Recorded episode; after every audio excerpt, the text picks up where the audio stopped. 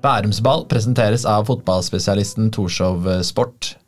Mye kule butikker på Sandvika Storsenter, men vår eh, soleklare favoritt det er Torshov Sport. Den finnes også på Torshov i Oslo. Sjekk også ut torshovsport.no.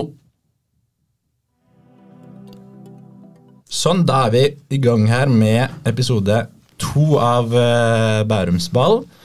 Um, vi har med oss en gjest i dag. Veldig bra gjest, Sara Jønsson. Uh, vi skal komme tilbake til henne, men først, Even, vi fikk uh, mange tilbakemeldinger fra første episode. Um, mange gode tilbakemeldinger. Så fikk vi også tilbakemelding fra en si, veldig dedikert Stabæk-supporter som heter Ragnar, som ville at vi skulle snakke litt mer om oss selv. Sånn at folk vet hvem som har denne podkasten. Så vi kan jo bare gjøre det kjapt for å tilfredsstille Ragnar, tenker jeg da. Vil du begynne, eller?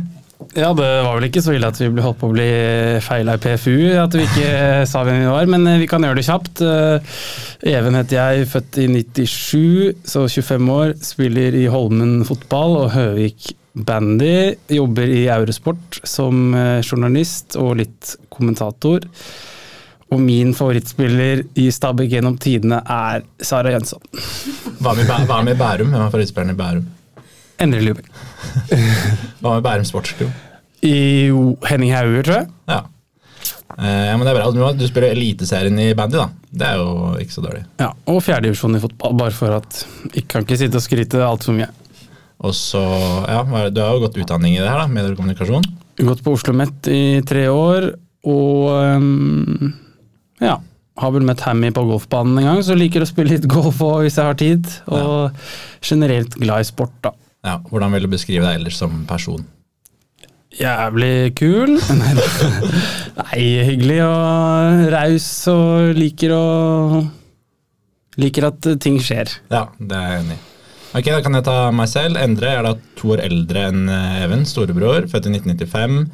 Eh, spilte i Stabæk fra jeg var 6 til 17 på G95-laget. Og så senere spilte jeg på juniorlaget til Lyn og juniorlaget til Follo. Eh, og så var jeg noen år i Lommedalen, og så har jeg vært i Holmen siste årene og spiller der nå med Even. da. Så det er gøy å spille med lillebror. Og så er jeg eh, utdanna journalist fra Oslo Met, studerte der og i Frankrike. Og også gått på Norges idrettshøgskole. Um, og så spiller jeg førstedivisjon i futsal, det kan jeg si. Um, og er glad i livet. Ja. Ikke det verste å være glad i. Men nå, er, nå, nå, nå, er det nok om oss. Nå må, nå må de kritikerne være fornøyd. Hva syns du, Sara? Var det grei intro, eller er det noe mer du vil vite om brødrene her?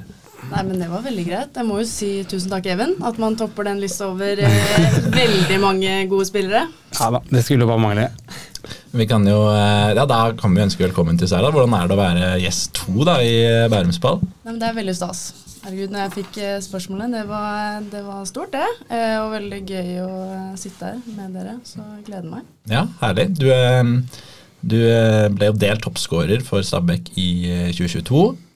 Fire, fire mål. Hvordan, hvordan syns du fjorårets sesong var for din egen del? Nei, men den var jo ganske bra, eh, sammen med resten av laget. Eh, jeg deler den opp litt sånn mentalt i to deler, egentlig. Eh, først våren med en hel eh, serie. Eh, og så høsten, da, med det serieopplegget vi hadde med sluttspill og hele den pakka. At vi klarte å ta fjerdeplassen, var jo stas da. Eh, ble en litt tung høst for oss eh, da vi møtte topp tre-lagene to ganger. Og hit og dit så ble ikke så mange mål på oss fremover de månedene. Og så var det en cupfinale på slutten som eh, var et eh, høydepunkt for oss. da. Selvfølgelig. Så alt i all en hel, helt ok sesong for min egen del, og en veldig fin sesong for laget sin del. Er det sånn at du trigges av å spille mot de beste lagene, eller tror du du selv hadde vært morsommere å være god i bunn, altså bunnsluttspillet kontra å liksom Rosenborg, Vålerenga og Brann?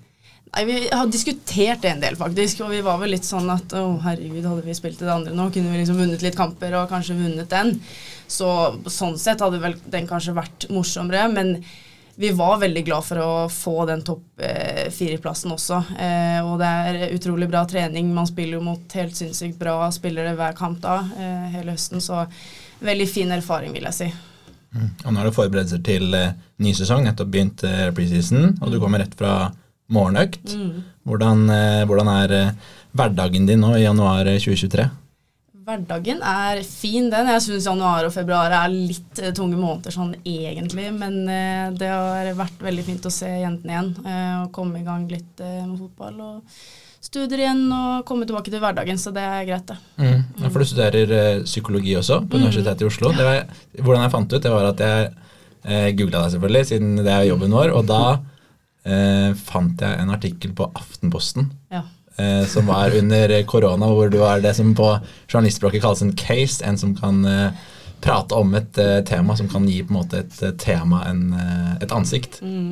Nei, jeg har en tendens til å havne i sånne situasjoner. Eh, det var absolutt ikke meningen. Jeg satt helt selv og skulle være med i noe sånt seminar, og så kom de bort og lurte på om jeg kunne stille opp på et kort intervju, så det, det kunne jeg jo. Men det var Greia var den at det var en del psykologistudenter som hadde kontaktet uh, avisen da, uh, og ville klage litt på uh, tilgangen til forelesninger og det fysiske i den koronaperioden. Jeg var ikke en av de, men det var jeg som fikk sitte og svare for oss. Men jeg tror det ble greit. Mm. Ja. Hvordan er det å kombinere å være student og spille i toppserien, da? Nei, men det er mye hardt, men samtidig noe jeg trives eh, veldig med. Eh, veldig fin kombinasjon, fotball og studier. Eh, så det trives jeg veldig med. Og så um, har du ikke vært eh, student hele livet. Du begynte jo eh, tidlig med å spille fotball før du begynte å gå på skolen, vel? Du begynte veldig tidlig. Begynte tidlig. Jeg var vel tre år gammel. Det er et bilde vi har hjemme fra 2003, september, tror jeg. Eh, da jeg har på meg Jeg vet ikke om det er fotballsko engang, ja. men eh, husker selvfølgelig ikke den dagen. Men det var tidlig i gang, ja. Eh, så det begynner å bli noen år nå. Og da spilte du med guttene i starten, eller? Med gutter, ja. Ja. Eh, var det. Jeg husker nesten ikke hva laget het engang, men det var vel noe i Landskrona der vi bodde. Og så um, flytta dere til, um, til Norge etter hvert med familien. Um, hvor uh, det er selvfølgelig det er uh, faren din, uh, Jan, som uh, var trener på um, Stabæk, og det er jo grunnen til at du, til at du kom hit. Men ikke er her i dag. Nei, det er viktig. det kommer ikke, at du sa det, men det kommer vi tilbake eh, ja. til senere, men det var jo Det er ikke sikkert du hadde vært i dette podkaststudioet i utgangspunktet hvis Det kan ikke faren din hadde tatt over Stabæk i 2000 og, eh, 2005 der. Ehm, Men eh, ja, da flytta du til Norge. Husker du hvordan det var for din del? Det er jo litt sånn du flytter til et nytt land fra venner og kjent og Mm. sånn. Jeg var jo veldig liten, så jeg ikke sånn, husker ikke så mye de første årene. Men jeg husker at vi flyttet, og at det var veldig spennende eh, med et nytt land og Norge og Stabekk, og kom jo veldig fort eh, inn i det. Og ble jo fort eh, livet og mitt hjem, da, på en måte. Så eh, det var veldig hyggelig periode. Og så var det jo um, noen, uh, noen år der hvor Stabæk gjorde det veldig, veldig bra, herrelaget, og rykka opp og tok etter hvert uh, sølv i Eliteserien og gull i Eliteserien, og da var det jo veldig trykk rundt Stabæk. Og even vi har vokst opp med Stabæk og sånn, og det har jo aldri vært i nærheten av de tilstandene som det var rundt 2008 der med cupfinale og seriegull og helt eh, Rio de Janeiro på Bekkestua, liksom. Hvordan, eh, hvordan var det for deg å liksom ha en eh, å ha en far da, som var trener og som styrte skuta, som ble en helt blant lokalbefolkningen her. Nei, men som sagt var jeg jo ganske ung, eh, så selvfølgelig de minnene man har, er jo at det var veldig stas og kult, og man skjønte jo at det var stort, men det er jo egentlig først nå, når man er litt eldre, og kanskje de siste årene, da, der jeg faktisk har innsett litt hva det faktisk var, og man ser på gamle klipp, og man eh, leser gamle avis... Eh, avisinnlegg og hele den pakka der, så man faktisk skjønner at det, det var en stor tid, da.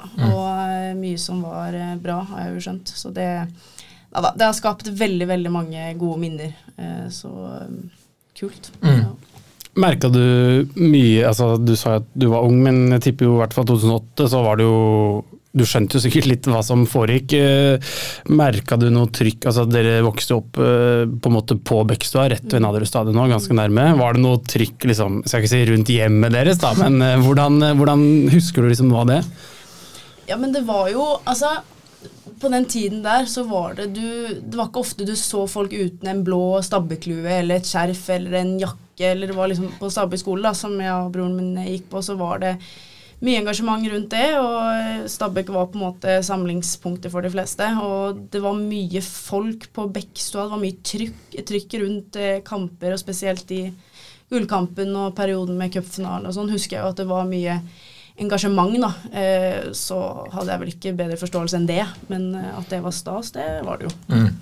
Ja, tenk at uh, Sara er Det er alle fire som um, har vært med, har gått på Stavik skole. Det er jo også ikke, at det er tilfeldig, eller det er jo tilfeldig, Mm. men det er jo morsomt òg at vi har gått på samme barneskole og har en viss lik barndom, da. Ja, Men jeg tror ikke alle som kommer til å være gjester her utover, har gått på Stabæk skole. Da Nei, tror jeg det- vi går tomme for profiler. Ja, det, det, det kan godt hende. Men men- enn så lenge, da. Perfekt streak for Stabæk skole. Ja, ja, men en ting jeg tenkte på var, altså Visste folk at du var eh, datteren til eh, Janne? Det tror jeg vel. Altså sånn eh, De som hadde litt eh, koll på fotball og eh, Stabæk og sånn, så hadde vel eh, litt kontroll på det. Men jeg tror ikke sånn Det var ikke det at jeg gikk rundt og var noe kjendis av noe slag, liksom. Eh, men noen visste vel det. Mm. Ja. Det var ikke sånn at du fikk eh, fordeler i mattetimen av læreren fordi han var Stabæk-fan, og du kunne gå litt før hjem og sånn? Nei, jeg husker jeg hadde en veldig bra lærer på barneskolen, Grete Autun, og det kan jeg fortsatt huske i dag. Jeg husker på et sånt foreldresamtale jeg hadde med mamma og pappa, så fikk jeg faktisk skryt av henne for at jeg ikke skrøt noe om det, da, og at jeg var veldig rolig om det, og helst nesten ikke snakket om det. Eh, så var vel mer den at jeg, ja. Det er jo digg, da. Få anerkjennelse for ydmykhet. ja. Ja, men det var det vel, så det var vel kanskje ikke så mye jeg tenkte på heller, da. Sånn Nei. sett. Jeg bare tenkte på Grete. Jeg hadde også, For å fullføre Stabæk skole så hadde jeg en lærer som het Grete, og hun var ikke noe ålreit, så jeg får håpe at det var en annen. Kanskje som begynte litt senere, da. Det kan ha vært samme, faktisk. Okay. Men eh, ja. Streng, Ja. men Rettferdig. Men rettferdig. I hvert fall en type mine foreldre var veldig glad i. Ja. Så eh, jeg tror det har gjort noe med meg som person Det er bra. også. Ja. Ja. Og så er du jo, um, For du er født i 2000. Ja. Eh, åtte år. Vi er nå inne på her at eh, Stabæk spilte cupfinale og em, tok seriegull, og da var du maskot i cupfinalen der. Em, det har det jo kommet ut litt eh, videoer av etterkant, for der var det jo litt eh, Hva skal jeg si litt, Det er jo dokumentert på en måte, da. Husker du det? Det husker jeg. Ja. Eh, det husker jeg ganske godt, faktisk. Vi tok jo samla buss der fra Bekkestua, det laget jeg spilte på, da. 0-0-kullet. Eh, jeg, Ingrid og gutta, da, blir det. Eh, så ut der på matta. Iskaldt var det, men eh, kult også. 25 000 og Farnerud i hånda der, så det var, eh, det var stas. Mm. Og så, um, og så blir det jo litt sånn at det livet du levde etter hvert, var litt basert på hvilke jobber faren din hadde, for da flytta dere etter hvert til eh, Trondheim. Mm. Et, fordi at eh, faren din fikk jobb som trener i eh, Rosenborg. Um, var det sånn da at du ville være igjen her i Bærum, eller var det helt selvsagt at alle skulle til Trondheim da? Altså Det var vel selvsagt at alle skulle bli med. Vi skulle flytte som en familie, så det var det ikke noen diskusjon på. Men jeg husker at det var veldig veldig trist. da. Husker den middagen fortsatt i dag, når vi fikk eh, beskjed om den. Så det var, det var tungt. Hadde liksom bygget opp et eh, liv her, og eh, stor del av barndommen var på plass her. Men det gikk fort. Jeg har jo, fikk jo beholde mye kontakter og venner, og vi kom fort inn i det i Trondheim også, med både skole og venner. Så det, det gikk fint. Fort. Mm. Ja, For da begynte du å spille fotball med en gang der, eller? Ja. Ja. På Strindheim. Mm. Mm. Hvordan var det, da? Men Det var bra, det. Jeg likte jo fargene. Den var gul og blå, så jeg følte meg jo litt eh, hjemme fra dag én. Eh, så det var supert. Men det var jo første gang jeg spilte med jenter, da. Mm. Så var det på jentelag, så det, det var veldig bra to år, tror jeg. Mye gøy, mye fotballcuper og veldig, veldig bra personer i, som trenere. Ja. Mm. Hvordan, eh, hvordan merk, merket du noen forskjell der fra at du har spilt mye med gutter til du plutselig spilte med jenter der? Altså, jeg var jo fortsatt veldig ung, så jeg vet ikke om jeg tenkte så mye på det egentlig. Det var jo eh, Men det var, det var en bra gjeng med bra spillere på det Trindheim-laget, så tenkte vel egentlig at det var litt eh, greit å få spille sammen med jenter, da. Mm. Mm. Men så er det et lite hull i vår research her, fordi vi har sjekka litt. Og da er du spiller du da i Astor og Strindheim, og så eh, blir jo faren din trener i Ålesund. Hva skjer med det, Sara Jønsson, da? Nei, vi hadde jo nettopp flyttet hjem, da. Jeg, mamma og Aksel. broren Hjem, det er da til Det er Halmstad, Ja. hjemme i Sverige. Ja. Eh, så vi rakk vel eh, ja, flytte hjem der i fem minutter før han eh, signerte for Ålesund. Så det kunne nok blitt Ålesund på hele gjengen, men det ble det ikke. Eh, vi ble igjen hjemme og etablerte et litt nytt liv der, da. Mm. Eh, så da var det inn på Astrid Jo der i jentefotball igjen. Mm.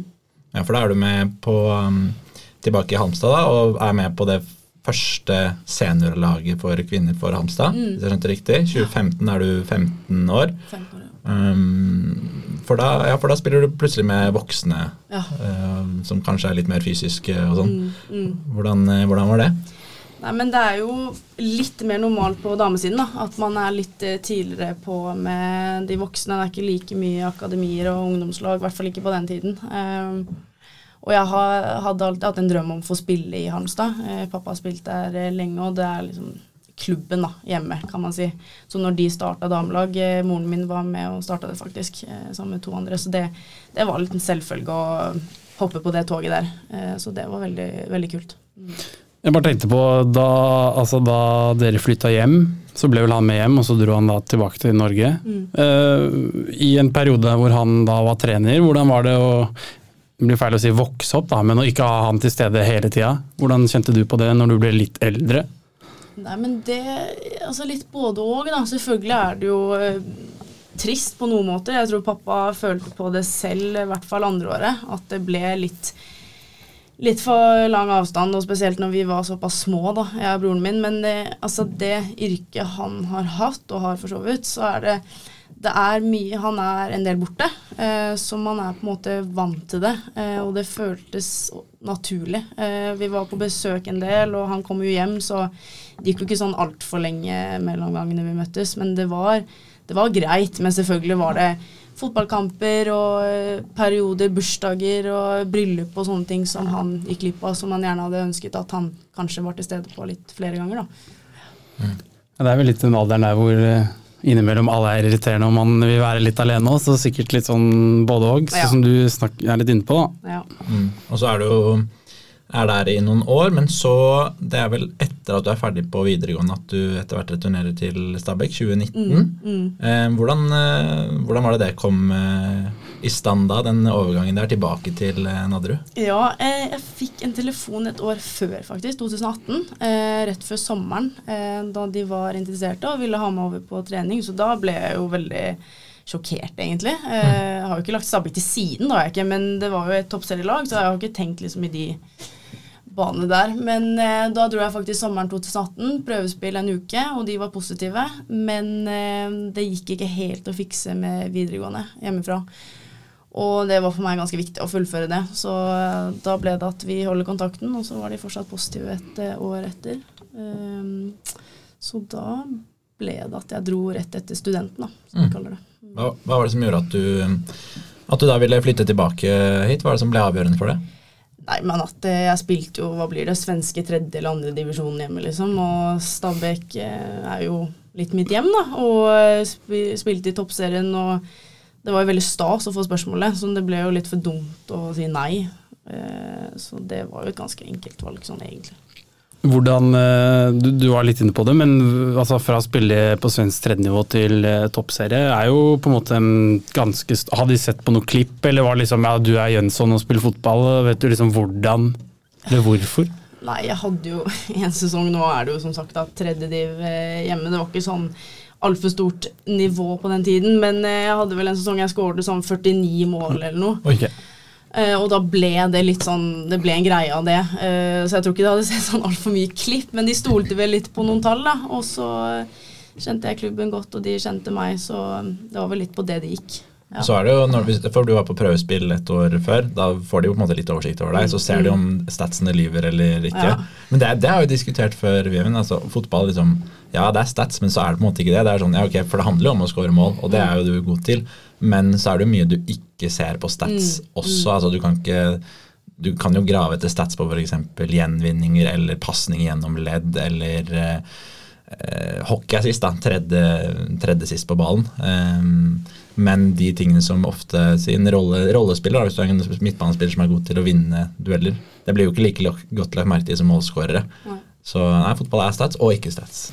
Ja, det er interessant det der. Jeg husker jeg prata med en som heter Lasse Berg Johnsen, som spiller i Randers i Danmark. Som ble henta dit, sa han, på nesten utelukkende på bas, altså, basert på grunnlag av tall på en nettside. Altså gjenvinning, hva han gjorde med ball. Jeg hadde ikke sett så mye klipp.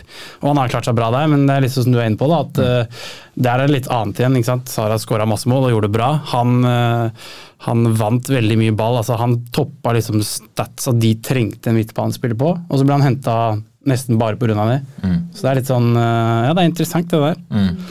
Jeg sier som for eksempel eh, Frida Månum da, på landslaget i Norge. som er jo ikke noe sånn som, Nå har hun begynt å skåre ganske mye mål for Arsenal, og da blir hun lagt merke til. Men hun er jo fortsatt en veldig god fotballspiller på veldig mange andre parametere i en rolle på Arsenal der hun ikke alltid har vært den som har skåra mye eller for landslaget. Men hun så blir hun plutselig veldig lagt merke til, for det er jo det de fleste legger merke til. Ja, det er, jo, altså, det er jo sykt mye ny teknikk på de greiene der, og du kan jo måle nesten alt. eh, Men jeg er enig at noen ganger kan det bli litt sånn urettferdig bilde av en spiller òg, da. Altså, du kan gjøre mye som ikke nesten går å måle, eller som man kanskje ikke har fokus på. Eh, og det kan være presspill og kommunikasjon og hvem du er i garderoben og hva du bidrar med der. Så det det er fint med litt stats, men eh, det er en eh, helhet også i det, da. Mm. Hvordan er det hos dere i Stabæk? Nå Har dere mye sånn analyse og greier rundt med tanke på de tingene der? Eh, ja, vi har en del. Eh, så blir vi ikke helt blinde på det heller. Men eh, det er greit å få litt bekrefta noen ganger hvor mye du har løpt, og hvilken intensitet du ligger på. Hvordan vi som lag er det vel mest vi har fokus på. da, Si innkast og frisparker og hjemvinninger på offensiv eh, banehalvdel og litt mer sånne ting vi fokuserer på. Mm. Så er det jo ja, 2019, det begynner å bli noen år siden nå, så nå har du vært her en del år. Og så er det sånn at det blir ofte litt oppslag hvis du scorer mål, eller f.eks. i fjor eller forfjor, hvor, eh, hvor du ble første kvinnelige spiller i agentbyrået til Fredrik Risp, som spilte i Stabæk, som sikkert mange husker. Det, var, det, var, det snakket vi om, men det var fett navn på det agentfirmaet. Respekt. Ja, Sara ler, så hun Ja. er kanskje enig òg. Jeg er veldig enig. Hvordan, eh, hvordan er det å ha fått eh, agent? For det et lite steg opp, eh, kan tenke som for din del òg. Det er et steg. Det blir vel mer og mer vanlig å ha det også på kvinnesiden. Så jeg har jo fine kontakter man kan utnytte, da, og Fredrik er en av de. Og først begynte vel litt med bare sånn at få litt enkel rådgivning, egentlig, og snakke litt med han. Og så ble vi mer og mer interessert i et samarbeid, da, og mer fra hans side òg. Eh, så det har vært eh, helt konge, det, altså. Mm. Hvordan fungerer det for deg i løpet av eh, hverdagen å ha en agent? Hvor mye oppfølging får du, og hva er det dere snakker om og sånne ting? Nei, Han er veldig flink på oppfølging. Vi har en del SMS-kontakt, og han vil gjerne være oppdatert på ukene og treningene og hva som skjer. Eh, hender at vi ses fysisk i Oslo òg. Eh, og så nå var det vel en del i de månedene det kunne ha blitt ny klubb, eller eh, man skal skrive ny kontrakt og sånn, så blir det jo med, selvfølgelig. Men ellers så er det OK oppfølging, og jeg ringer jo han hvis det er noe også. Så det er greit å ha en støttespiller til, da. Mamma og pappa er jo naturlige, men å ha en litt sånn utenfor også er greit. Mm. Han spilte jo i Stabæk, det var vel i 2009 da de var i Telenor Arena, tror jeg. Hadde, hadde det noe å si, eller var det helt tilfeldig? Det kan ikke ha vært helt tilfeldig. Må jo ha kjent han litt fra Nei, men hun, hun dro litt på det nå, så det kan hende at eh, Nei da, men eh, hvorfor han? Nei, men Det er vel litt tilfeldig, men det har jo eh, litt med at han har vært i Stabæk òg, som han og pappa er eh, godt kjent, og at man eh, eh, selvfølgelig litt har gått den veien, da. Eh, men eh, det skal jo ikke bare være det som eh, teller. Han er en eh, veldig god person, jeg liker typen og hvordan han eh, jobber, så det var mye sånt også som veide inn. Mm. Tror du mm, Som du sa, du kjente jo litt til han, men hvis det har vært en helt tilfeldig agent eller en spanjol som kunne lovet deg det og det og det, tror du det har vært like, like interessant? Altså Hadde du lyst på agent, eller var det liksom ok, Fredrik kjenner jeg, jeg prøver selv om det er litt spennende og uprøvd? Nei, men jeg hadde lyst på agent, eh, uansett hva, tror jeg. Og så er det jo fordeler og ulemper med alle de typene der, eh, kan jeg tenke meg.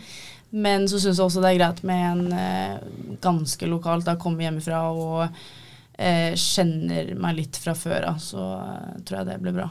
Mm.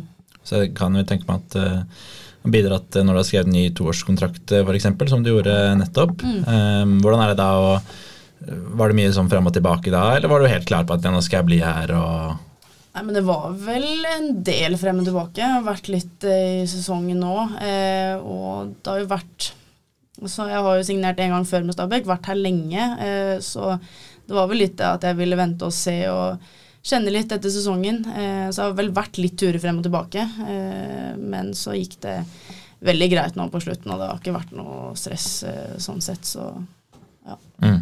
Hva tenker du liksom Har du noe konkret som du har tenkt det her blir neste steg for meg, eller er det bare sånn at du kjører på, og så ser vi hva som skjer videre? Det er litt sånn jeg go with the flow, liksom. Eh, det er sånn jeg skal, jeg skal ha det gøy og trives, og det skal gi energi, og det gjør det i Stabekk. Og da tror jeg utvikling kommer også. Men jeg har også bestemt på at jeg kunne ta neste steg, og jeg har jo utviklingsmål eh, sammen med trenerteamet, både som meg som spiller og som lag, og det tror jeg kommer til å gi utvikling og vise seg, da. Mm. Mm. Ja, så studerer du jo siden av Er det sånn som spillere nå sier, hvis du hadde fått et tilbud fra en, en utenlandsklubb, da? Eller er det sånn at ok, nå har jeg livet mitt her i Bærum og Oslo, og jeg skal, jeg skal fullføre den stude, studeringa og kjøre på med Stabæk, eller er det sånn at et tilbud kunne lokka deg bort òg? Det kunne lokka, og så må man jo selvfølgelig se på det, om det er mulig å ta det på distanse. Nå har jeg bare et halvt år igjen på akkurat det studiet, så det kunne jo sikkert kanskje vært litt fleks. Men eh, når jeg har landa i Stabæk nå og vet at jeg er her, så er det også deilig, må jeg si, å vite at jeg er her og tilgjengelig for det meste. Mm. Så var vi litt inne på det i stad også, at dere, eh, dere tok et stort steg opp eh, i fjor, da, sjuendeplass i 2021, og så ble dere nummer eh, fire eh, i 2022 og kom til cupfinalen. cupfinalen. Hvordan var det å ikke bare være maskot i cupfinalen, men å spille cupfinale der? Nei, men selvfølgelig veldig, veldig kult og litt uh, uvirkelig. I hvert fall når jeg var der 13 år tidlig sammen med maskot og nå får gå ut selv og spille. Uh, mye publikum og engasjement og um, stas med Stabæk support. Eh, å høre de som man har hørt fra tribunen hele sitt liv, liksom, det var, det var stort, det. Mm. Og så, så er det jo en ny, uh, ny sesong i gang nå. Dere har fått inn uh, Grace Garrod, uh, Merrill Abrahamsen ble klar nå. Eh, Petter Belsvik, ny trener eh, inn. Hvordan, hvordan er inntrykket ditt av han eh, så langt? Han er jo en, eh, en eh, ikke en legende i Stabæk, men i norsk fotball i hvert fall. Han har jo spilt i Stabæk, vært trener, men han har bøtta inn mål. Det er en du kan eh, lære målskårerfaget fra. for å si det sånn da. Mm. Nei, men jeg kjenner jo Petter fra før av. Eh, veldig, veldig bra mann. For det første, eh, kjempefin personlighet, eh, så den er viktig for oss. Men eh, også vet at han er sterk fotballfaglig. Nå har vi bare rukket å ha noen treninger, men inntrykket så langt er positivt. Jeg tror det er en fin match med spillergruppen også, så jeg tror det kommer til å bli veldig bra. Mm. Mm. Og så er det flere som har gitt seg. Maren Haug, Ingrid Sønden og Linn Huseby ikke med videre. Kim Sundle, hvordan tror du det påvirker laget deres? Nei, det er, jo, eh, det er jo fotballkvalitet som forsvinner, selvfølgelig. Men det er også alder. er jo en sånn ting. Nå er vi veldig veldig unge. Eh, og så er jo det fordelen med det også, selvfølgelig. Men det påvirker vel litt i sånn erfaring og kanskje litt vinnerkultur da, eh, og sånne ting. Men eh, vi har fått eh, litt alder på plass nå i Merrill, og jeg tror det skal gå, eh, gå greit. altså. Mm. Så begynner å nærme oss snart første kamp i preseason. 27. Da møter dere Hønefoss, og så er det Øhild i lokaloppgjør litt senere. Og så er det seriestart 25. mars. Ehm, hvordan ser du på de månedene fram da? Det er jo ikke så lenge til. Dere begynner jo litt før eh, gutta også. Vi begynner litt før. Eh, det blir veldig greit å komme i gang med kamper igjen. Og så skal vi en uke til Spania også, som jeg tror kommer til å gi oss mye. Både samhold og ja, litt sol og varme og eh, bra treninger der med kamp. Og så håper jeg vi kan stå klare i slutten av mars.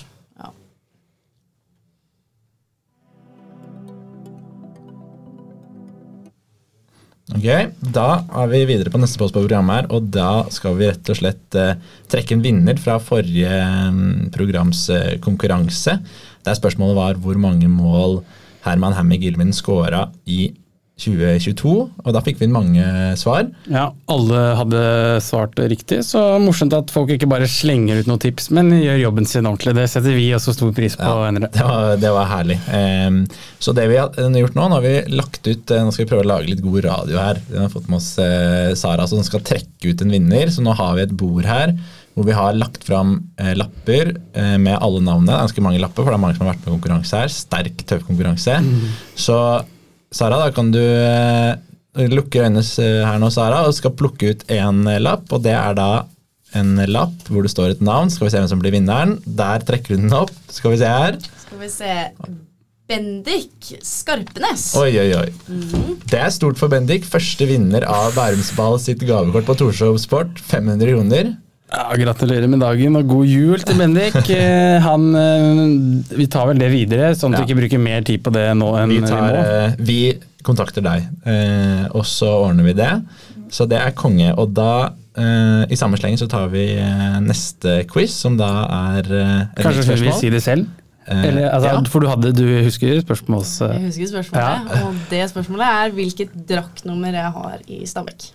Det er en spørsmål, altså. Og det kan du sende inn til eh, barmsball at baerumsball at gmail.com, eller på Instagram.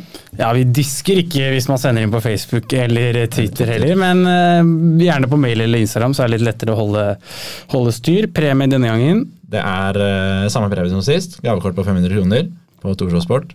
Og, men hvis man er helt off, da, hvis du er ikke på mail, ikke sosiale medier, så eh, Da har du kanskje ikke eh, podkast. Nei, kanskje ikke podkast-rappen. Da kan du sende en eh, SMS til Even eller meg. Ja. Eller til Sara, så kan hun ta det videre. Nei, men eh, Gavekort 500 fra Torshov Sport. Eh, Hvilket draktnummer har Sara Jønsson Sara Kat... Katarina Jønsson, ikke? Fullt Jeg vet at du ikke er Om så det må nevnes. så det er, Problemet er at det står på fotball.no, der er jo alle navn kommer frem i, i, i verden. Så um, ja, det er ukens quiz. Yes.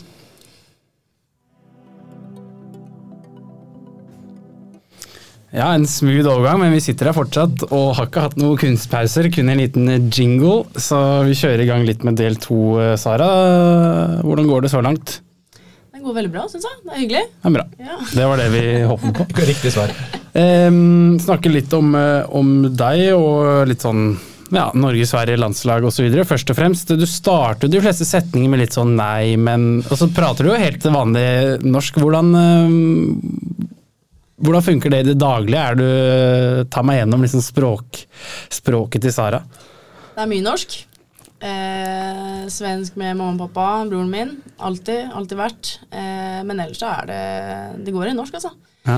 Eh, og jeg blir jo Det er mange som ikke tror det, faktisk. Eh, men eh, jeg har kombinert de to nesten hele livet mitt. Hvis du skulle spilt Altså når du spiller med Sverige, svensk? Svensk, ja. Ja, så Ja, ja. du kan legge om på sekundet, eller trenger du litt eh, betenkningstid? Nei, det går veldig greit. Eh, det er vel noen ord som jeg kan blande litt eh, noen ganger, men det er ikke så populært heller når jeg skal begynne å snakke norsk om Norge og sånn på de samlingene der uansett, så jeg prøver å holde meg ganske svensk. Ok, må si da, Fordi du har, du har spilt på Sveriges U23-landslag. eh, Fem kamper og ett mål der. Um, ok, Si at jeg nå er journalist i Ekspressen, og jeg skal spørre deg um, um, hvordan, uh, hvordan var det da å score mot Belgia, som du scora mot? Kan du beskrive det til meg? Jeg heter uh, Noah Olsson, jeg jobber i Ekspressen. Og du skjønner jo ikke norsk. Nei. bare svensk. Okay. Eh, nei, men det var väldigt eh, speciellt. Det var väldigt eh, kul å få avgöra så på slutet. Vi gjorde en väldigt fin match och förtjänade att vinna så att det var väldigt speciellt både för egen del och för laget att få sette sätta dit den på slutet. Takk så mye, Peter fra Aftonbladet her. Kan de prøve meg, da? Det, det var sterkt. En, ny, en ny person som kom inn i rommet her. Ja, men det eneste Hun får, får litt skryt, men uh, ikke for mye, for det er jo tross alt Det, det skulle bare mangle, vel. Hvis du har snakka Ja. litt gebrokken nå, så Neida, men de foretrekker jo at jeg snakker svensk eh, på treningen og sånn, egentlig, jentene. Men det orker jeg ikke. Nei. Nei, litt skavla her. Litt sånn Skavlan uh, Skavlan her. Da kan bytte litt. Og, Sleng litt. litt, litt sterkere norsk enn Skavlan. Ja. Nei, nei, litt sterkere svensk enn Skavlan. Det håper jeg. ja, ja, og norsken òg. Det, det var ikke noe kritikk i stad, men eh, jeg spiller jo bandy, og da har det vært en del svensker. Og jeg hører liksom, hvis de lærer seg norsk, så s- Ikke at de prater på samme måte som deg, men du hører liksom nei, men det er ofte sånn Ja. nei, ikke sant? De, de tar med seg litt ting fra svensk. Ja. Nå har du brukt som sjekketriks. Bare legger om til eh, svensk, liksom. Kan bruke det når det lønner seg, ja. Da går vi videre. Nei da. Prate litt om, eh, om eh, som var innom, debuten for Sverige U23. Først og fremst har det vært noe kontakt fra Sverige før U23, altså U, jeg vet ikke når man begynner med landslag, 15 kanskje? U15, 16, 17, 18. Det er et sånt eliteleir når vi er 15 år, eh, som er tradisjonelt, faktisk i Halmstad, hjembyen min. Eh, og det var jeg med på. Eh, da var det sånn kretslagsamling, alle, alle kretslagene i landet var der. Og der var jeg med. Etter det så begynner jo da landslagene, og der har jeg aldri hørt noe som helst. Så første kontakten var faktisk eh, U23. Ok, altså Det var ikke sånn du kom på U15-samlinga med noen fotballsko og trente på banen og så bare Hei, hei, kan jeg være med? Jeg bor der borte. Absolutt ikke. Nei. Men øh, blir man på en måte frustrert? Du, det virka som på meg at du har satsa, eller i hvert fall hatt lyst til å bli god i fotball lenge. Ja, jeg har vel alltid vært øh, veldig treningsvillig og hatt drømmer. Men jeg har også vært veldig bevisst av at jeg ikke har spilt på sånn veldig høyt nivå. Så jeg har ikke tenkt på det sånn egentlig. Eh, det er jo mer nå de siste årene i Stabæk der jeg følt at det har gått eh, greit, også på et ok nivå. Eh, så man har liksom begynt å tenke på det litt mer, men egentlig ikke sånn altfor mye. Så jeg fikk jo litt eh, sjokk når de ringte, da. Ja, for ta meg gjennom eh, hva er det som eh, Start fra starten med U23-landslaget til Sverige. Hva, hvordan kommer kontakten i hop? Nei, jeg fikk en telefon. Eh, var med i bruttotroppen før sommeren da, og fikk også en telefon der eh, landslagstreneren eh, ringte meg, Martin. Eh, og sa at de hadde sett på meg, og eh, sa at det så eh, greit ut, det. Og at de ville ha meg inn i miljøet. Så det var jo ja, hyggelig. Ja, og Derfra så var du med på mange samlinger før du fikk første kamp. Var det noe uttak? Hvordan, vi har jo ikke, da ikke vært på noe fotballandslag, så vi vet jo ikke helt hvordan det fungerer. Så gjerne forklar litt. Nei, men Første samlinga var nå da i sommer, som sagt. Det var ti dager hjemme på hjemmebane. Eh, og da var det turnering. Vi møtte USA, og vi møtte India. Eh, så da var det egentlig rett eh, på det. Jeg fikk jo debuten i første kampen der mot India med en gang. Hoppet inn siste kvarteret, tror jeg. Så det var egentlig ganske rett på det. Det var ikke sånn veldig mye komme i gang og sånn. Så ja. Hvordan var det, da? For det er jo stort jeg tenker meg, å spille med flagget på brystet. Ja, herregud. Det, det er litt sånn De ti dagene der det er, Jeg skjønner at det har skjedd, men det var litt sånn å leve i en boble. Skjønte ikke helt powerpointsene der og eh, Sverige og hit og dit. Så at det Nei, selvfølgelig veldig, veldig stort. Ja. Ja, så er det litt sånn, U23 er jo øh, steget før A. Det er sånn, det er ganske, altså, selv om det sikkert der og da kanskje føles som ok, dette er U23, så er det jo ikke, det er ikke så langt øh, unna. Nei, det er ikke det. Og det var jo veldig veldig mange bra spillere som var med på den samlingen også, som man har visst om og sett på TV. Og, og at du var der da, en av de, var jo spesielt, da. Mm. Kan du prate oss kjapt gjennom skåringa di? Det jeg tipper du husker den ganske godt.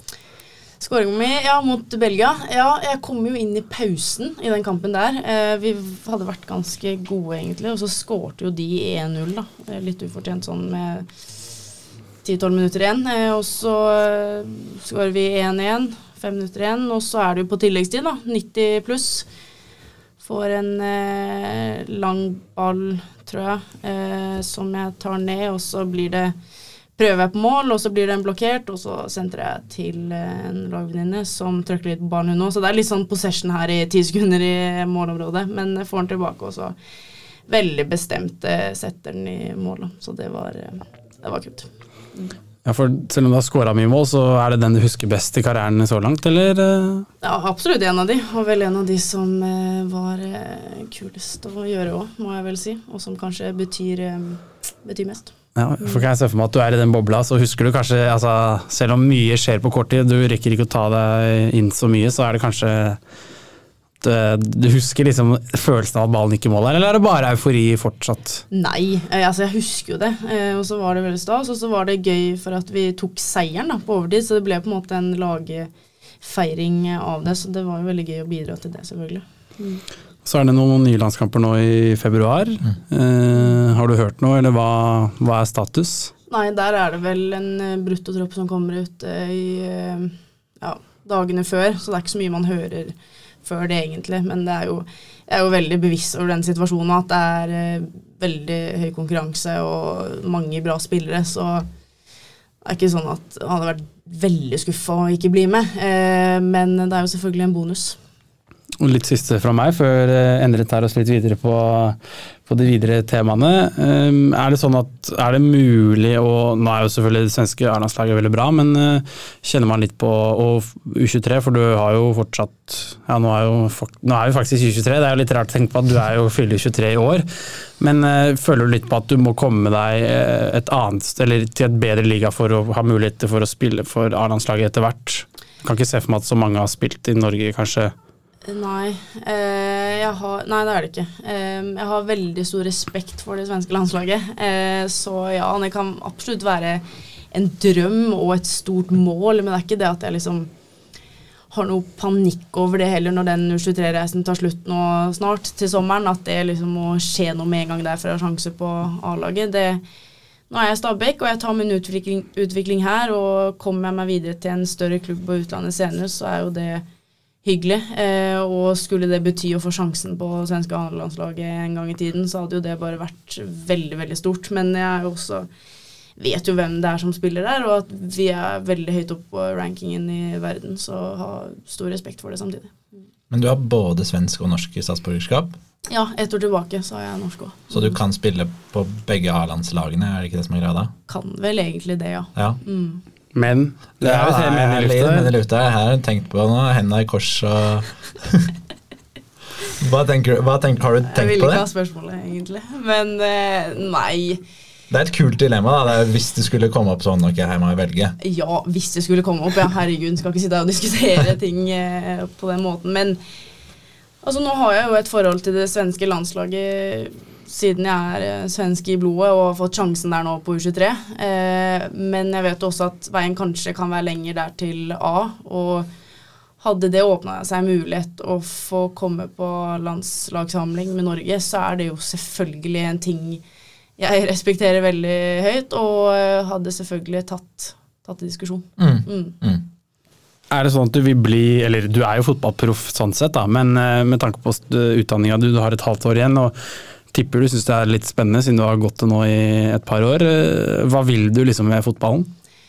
Jeg vil bli så bra som mulig, og det hadde vært veldig kult med en hverdag der du kan 100% fokusere på fotballen, samtidig som jeg liker å ha ting å gjøre.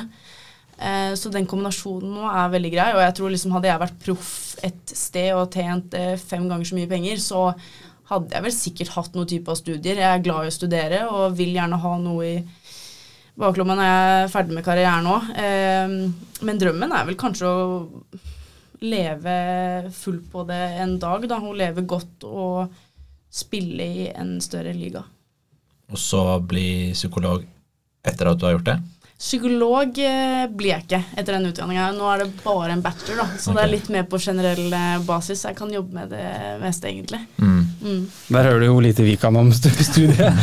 Studere psykologi er lik å bli psykolog, men eh, det er sikkert bare fordi å studere journalistikk, da blir du journalist. Ja. Så tenkte de det samme. Hva, er det du, hva er det du kan eh, bli, da? Eller som du har lyst til å jobbe med? Nei, jeg skal være helt ærlig, så vet jeg faktisk nesten ikke. Eh, Jeg har hoppa på dette studiet, for jeg, har, eh, jeg er interessert i psykologi og eh, hvordan vi har det, og hvorfor vi har det som vi har det. Og jeg syns det er veldig relevant inn til idretten.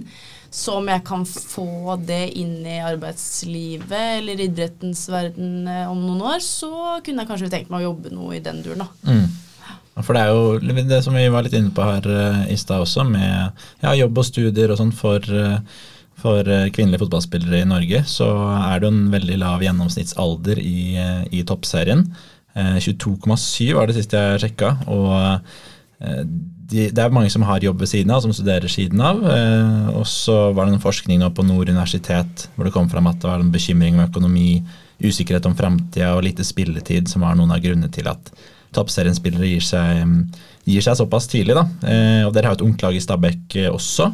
Eh, og så var det sånn rapport eh, fra FIFPro som det heter, eh, for noen år siden, hvor eh, nesten halvparten av de som ble spurt, sa at de ville legge opp tidlig for å starte familie. Så er det veldig, det er vel Alex Morgan, hun stjerna, Solveig Gulbrandsen, de har jo fått barn og kommet tilbake, men det er ikke så mange. Hva tenker du om de tingene her? Nei, det er jo en utfordring, selvfølgelig. Eh, men det er også mye man kanskje ikke kommer ifra. Det med familie og barn og de greiene der som eh, du kanskje gjerne vil ha, da, og er et mål i seg selv i livet. Um, og økonomisk sett så er det jo også selvfølgelig en utfordring. Altså, man må jobbe, man må kunne leve, og man eh, må ha tid til annet. Så jeg har jo stor forståelse for de som legger opp tidligere, dessverre. Så er det jo sånn. Uh, men uh, vi går vel i riktig retning, tror jeg. Eh, så um, ja, finne løsninger eh, på det er vel et eh, tema mange er ute etter nå. Ja, for det er jo interessant det der med, som du sa, halvparten som, vil, som gir seg tidlig. Jeg husker for noen dager siden bare litt samme, jeg skrev en sak om at seks av åtte som spilte Australian Open kvartfinale for to år siden, damer er ikke med i år. Og da er vel fire av de fått barn og er gravide, og de er typ 25-26, mens åtte av åtte av herrene er med, da. Så litt sånn, Det kan man jo sikkert trekke litt parallelt til til fotball nå, at uh, de har litt sånn kanskje annet press på seg. Jeg vet ikke hvordan du kjenner på det, men vi selvfølgelig, altså vi kjenner ikke på det på samme måte. Jeg tenker i hvert fall for vår del, eller min, at jeg har lyst til å spille fotball i mange år. Nå spiller vi på et litt lavere nivå, men at det er veldig gøy, og vi vil holde på så lenge vi kan. Men så kan det hende at det er litt annerledes for dere og deg. Jeg vet ikke hvordan du stiller deg til det. Nei, Det er jo veldig synd å høre, da. Altså sånn For det første, jeg blir jo litt trist av det sånn egentlig. Men eh, Jeg tenker jo, altså, Det er jo veldig personlig da, hva man tenker om eh, familie og hvilken alder og hvor tidlig man vil gå inn i det, om, og om man vil eh, gå inn i det. Eh, for min del så er det liksom å veie inn flere aspekter. da. Jeg tror liksom Skulle man sammenlignet meg med en eh, gutt i Eliteserien, eh, samme ish-nivå, så er det jo jeg må tenke på studiene, jeg må tenke på økonomi. Hva kan jeg gjøre for å få litt bedre økonomi? Hva skal jeg om tre år? Hva skal jeg om fem år? Hvordan ser livet mitt ut om åtte år med alt eh, annet enn fotballen? da. Eh, så jeg vet ikke. Det er, det er vanskelig. Ja. Mm. Så er det jo også eh, trekker fram at det er mye positivitet rundt uh, norsk uh, fotball på damesiden også. Da, med, du sa mange som legger opp til Ingrid Ryland f.eks. som var i Brann. Hun sa jo nå at hun ga seg vel, men at hun aldri hadde blitt gjenkjent så mye på gata som nå, fordi at norsk fotball har vært veldig i vinden på damesida. Det har vært publikumsrekorder og skikkelig vekst på, um, på tribunen. Hvordan, hvordan, merker du det som spiller i toppserien? da? Nei, men Det har jo eksplodert. Det har jo det, både nasjonalt og internasjonalt. Spesielt etter VM 2017, om det var det, og nå EM i sommer, så merker man eh, forskjell både i kvaliteten, men også i engasjementet rundt. Da, og Det er jo veldig fint å se. Eh, og det bidrar jo til bedre økonomi og til bedre tilretteleggelse av hverdagen vår òg, som forhåpentligvis kan bidra til at folk kan fortsette, fortsette lenger da, med lenge karrierer. Eh, og det er jo veldig gøy å føle at man spillere får den oppmerksomheten de fortjener. da. Mm. Mm. Altså var det skikkelig trøkk rundt EM i fjor.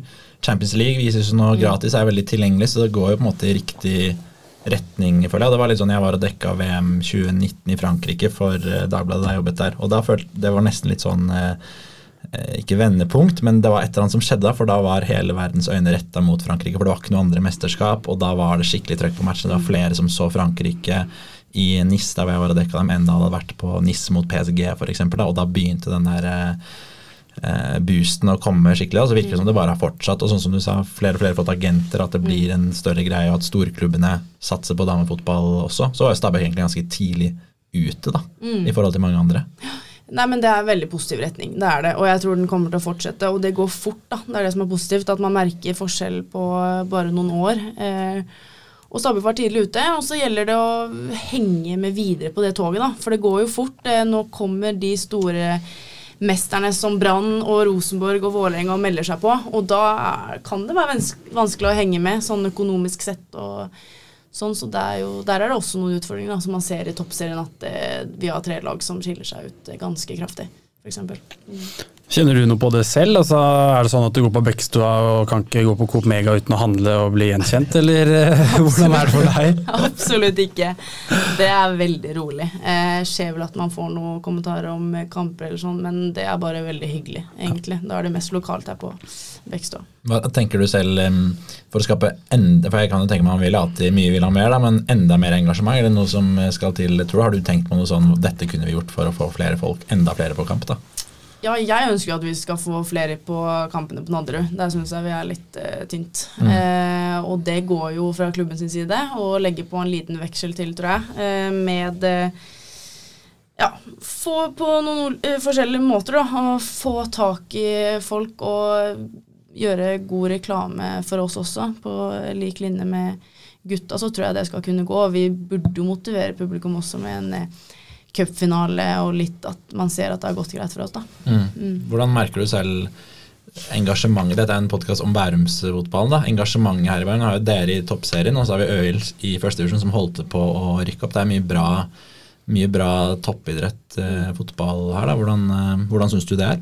Helt konge. Eh, Bærum er jo Jeg vet ikke. Vi kaller det talentfabrikk hjemme i eh, Sverige. Eh, og det er det jo. Eh, Bærum og ikke minst Stabæk. da. Eh, det er jo luksus at vi kan ha et lag i toppserien og et i første div, sånn som vi har med Øhild, og forhåpentligvis kun, nesten kunne samarbeide litt i fremtiden, kanskje. Eh, og at det kommer mye, mye bra ungt og lokalt, og som velger kanskje Stabæk i første hånd. Så det er jo veldig gunstig for oss. Jeg tror jeg har løsninga på øh, problemet her, på damekampene. Eh, eller jeg kan ikke skjønne Eller de burde prøve, syns jeg, å ha sånn som de har gjort i bandy og i basket i nærområdet her. Og, altså, prøve f.eks. å ha Stabæk til å spille klokka tre da, på en søndag på Nadderud, og så A-laget klokka seks, eller si to og seks. Altså, greit, sikkert mange som drar hjem og kanskje føler seg ferdig med kamp, men og hadde testa ut det, tror jeg ikke hadde vært noe negativt. Og sett liksom, ok, kan vi prøve å lage en Stabæk-dag, da.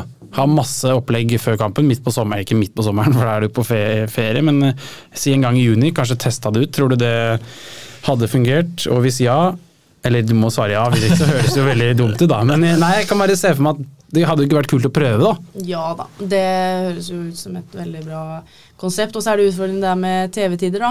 Eh, og de som skal sende noe, at det blir bestemte dager og tider, og det virker veldig fast, egentlig. Eh, men eh, noe sånt er ikke, det er ikke alltid så mye som skal til da, for at man skal se litt forskjell. Så der må vi kanskje ta ytterligere litt tak i år, tror jeg.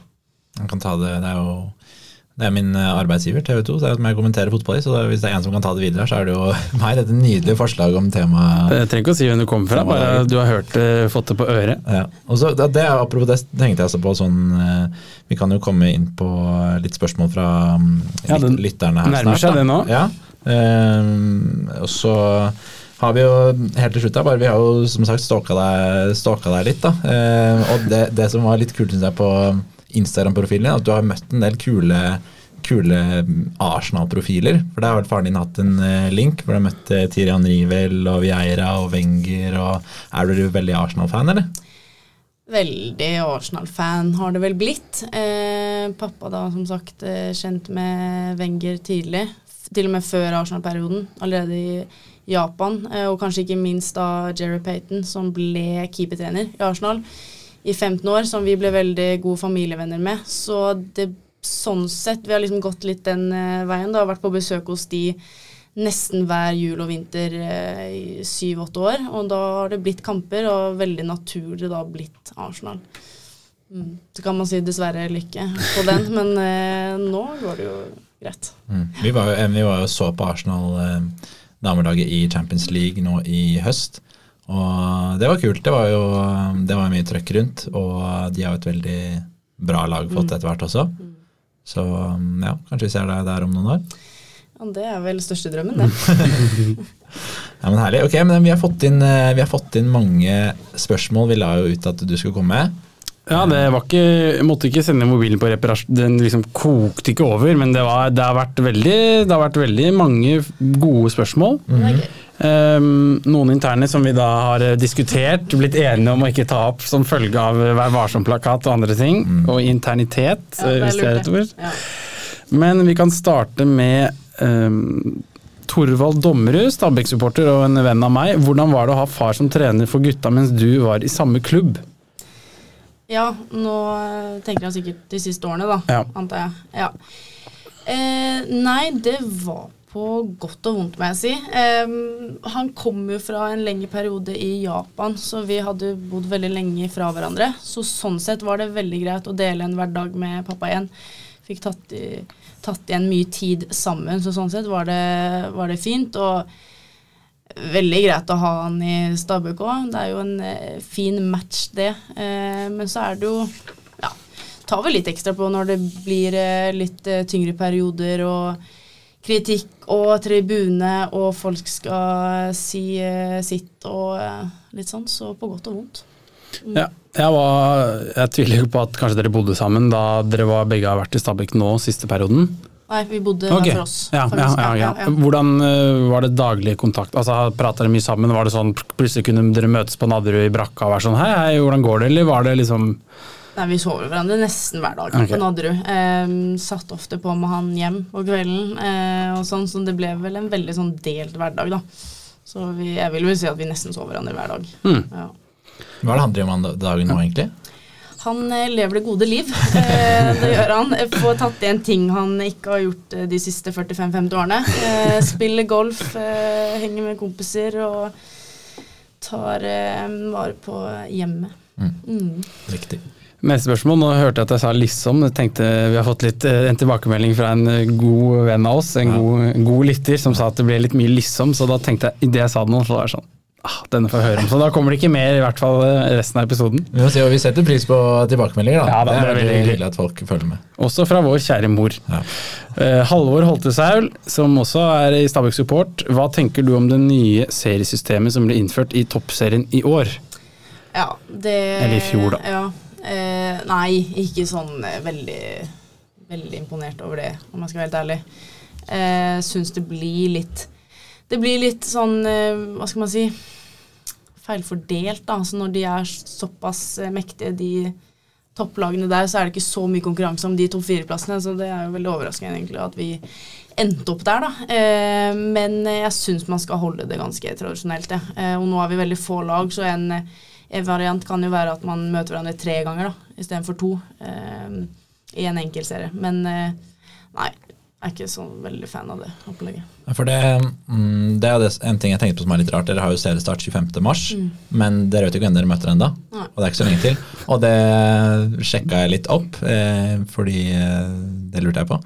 Eh, og det som er greia, er at det er uenigheter om akkurat den strukturen, som gjør at det er jo veldig rart at det er to måneder i seriestart, så vet man ikke hvem som skal spille mot hvem. Og når de skal planlegge ting og reiser og alt mulig. Så det er akkurat det her det går på. da. Så vi får håpe de finner en eh, løsning, sånn at dere kan forberede dere litt òg. Ja, og de gjorde jo en undersøkelse blant alle spillerne da, i toppserien hva vi syns om det, og det var vel én spiller som syntes det var en, eh, bra, et bra opplegg, så det Ja, vi får se. Kanskje en utsendt uh, muldvarp fra NTF som skal spre litt god stemning. Ja, prøve å få med litt flere.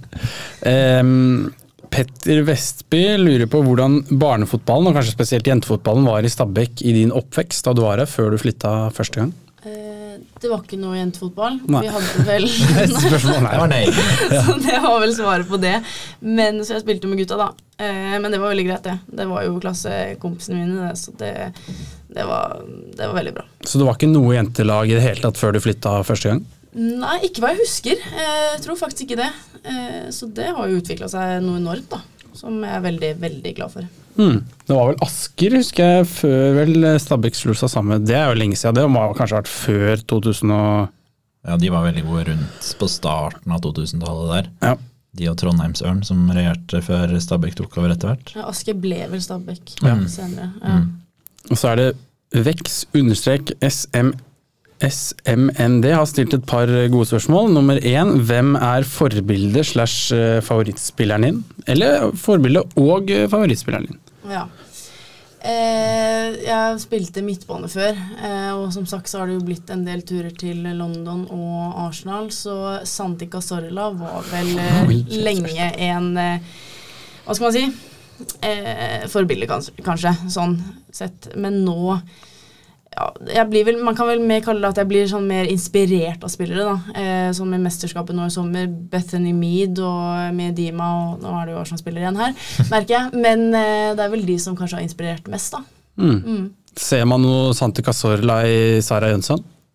Eh, gjorde vel kanskje mer før. Nå er jeg jo spiss, da, så det er litt andre kvaliteter jeg jobber med akkurat nå. Men eh, ja, har vel blitt litt inspirert av han også opp igjennom. Det er bra med hipsterpoeng å svare sant. Det er et kult svar. Jeg, du kunne liksom svare, jeg har aldri hørt noen svare det før, men det er kult. Jeg synes Han er jo fet, eh, fet spiller òg. Så nei, men den eh, hadde fått hyllest på Grünerløkka for den.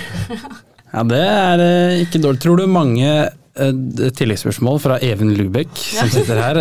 Tror du flere, nå som damefotballen er liksom i, i oppsving, tror du de som vokser opp nå kan ha flere damespillere som forbilder, eller er det fortsatt, tror du liksom, ja vi ser på VM, ser på Champions League, jeg har en, eh, en herrespiller jeg digger mest, hva, hva tror du? Nei, men 100% Altså, Damefotballen var jo noe annet når jeg var yngre, så det er vel litt naturlig at det ble, ble litt herrespillere og Arsenal-spillere på den tiden, men nå er det jo en helt annen eh, virkelighet, og det er jeg veldig glad for. Og jeg tror at med de mesterskapene som er nå, og toppserien og landslagene, at det bidrar til en helt annen fotballkultur for unge jenter også. Det er veldig, veldig positivt. Eh, Da har vi vel to spørsmål igjen. Hva er drømmeklubben å spille for? Har du nesten svart på? Ja da, bare hun må jo få, jeg er enig. Hvem er, hvem var det som Jeg spørsmål? si det. Samme som i stad. Hun har sendt inn en rekke meget gode spørsmål, så det Ja. tar vi. Nei, men det er Arsenal. klart. Ja. Og siste spørsmål før vi har vårt eh, tradisjonelle, Siste, ja. er eh, hva spiser du helst før kamp? Oi, før kamp Nei, men da er det jo pasta av noe slag. Pasta bolognese er vel det som går mest. Ja. Ja. Hvor mange timer før? Da spiser jeg tre timer før. Fasit. Perfekt. Det hadde vært eh, verre hvis jeg pleier å kjøre på Mækkern Asker og ta en quarter pounder og litt pommes frites. Nei, så dum er jeg ikke. Er du, Ja. er, du veldig, er du bevisst på um, kostholdet ditt, sånn i hverdagen og i livet? Ja, det vil jeg si. Vært eh, nesten hele tiden, egentlig. Eh, føler, føler det er viktig. Eh, og ikke bare for å liksom være i form og eh, med fotball og sånn, men eh, man har det litt bedre og man spiser litt bedre, tror jeg. Eh, så det er jeg ganske bevisst. Mm. Ja. Herlig. Og så, Du sa du hadde hørt første episode her i stad, og ga skryt, så det er veldig hyggelig. Eh, og da var jo siste spørsmål til, eh, til Hammy sist var jo eh, hva ville du spurt deg selv om, så da må vi stille deg selv til deg også, da. Og jeg tenkte en, på eh, det når jeg hørte den episoden. Håper jeg ikke får et sånt spørsmål en gang i tiden. Um, nei, Uh, vanskelig spørsmål selvfølgelig. Men uh, det er vel det mange kunne vært interessert av, er vel litt sånn Sverige eller Norge, da. Mm. Et sånt spørsmål. Eh, og det blir jeg jo stilt noen ganger, og må tenke gjennom hver gang. Eh, og om jeg skal svare på det også, så er det litt begge, beste av begge verdener, egentlig. Så jeg utnytter litt det beste. Sånn, sånn sett, eh, Når det passer å være norsk, så er jeg det. Og når det passer å være svensk, så er jeg, er jeg det. Men eh, nei, men den er ganske 50-50. Sånn egentlig. Vi får se. Kanskje kommer tilbake her om noen år, og så har du kommet enda nærmere et svar. Kanskje enda lenger unna et svar, men uansett veldig, veldig hyggelig at du ville stille opp, og takk for at du kom. Veldig hyggelig. Tusen takk. Herlig. Da høres vi senere, Endre. Ja, snakkes på den. Ha det. Hei.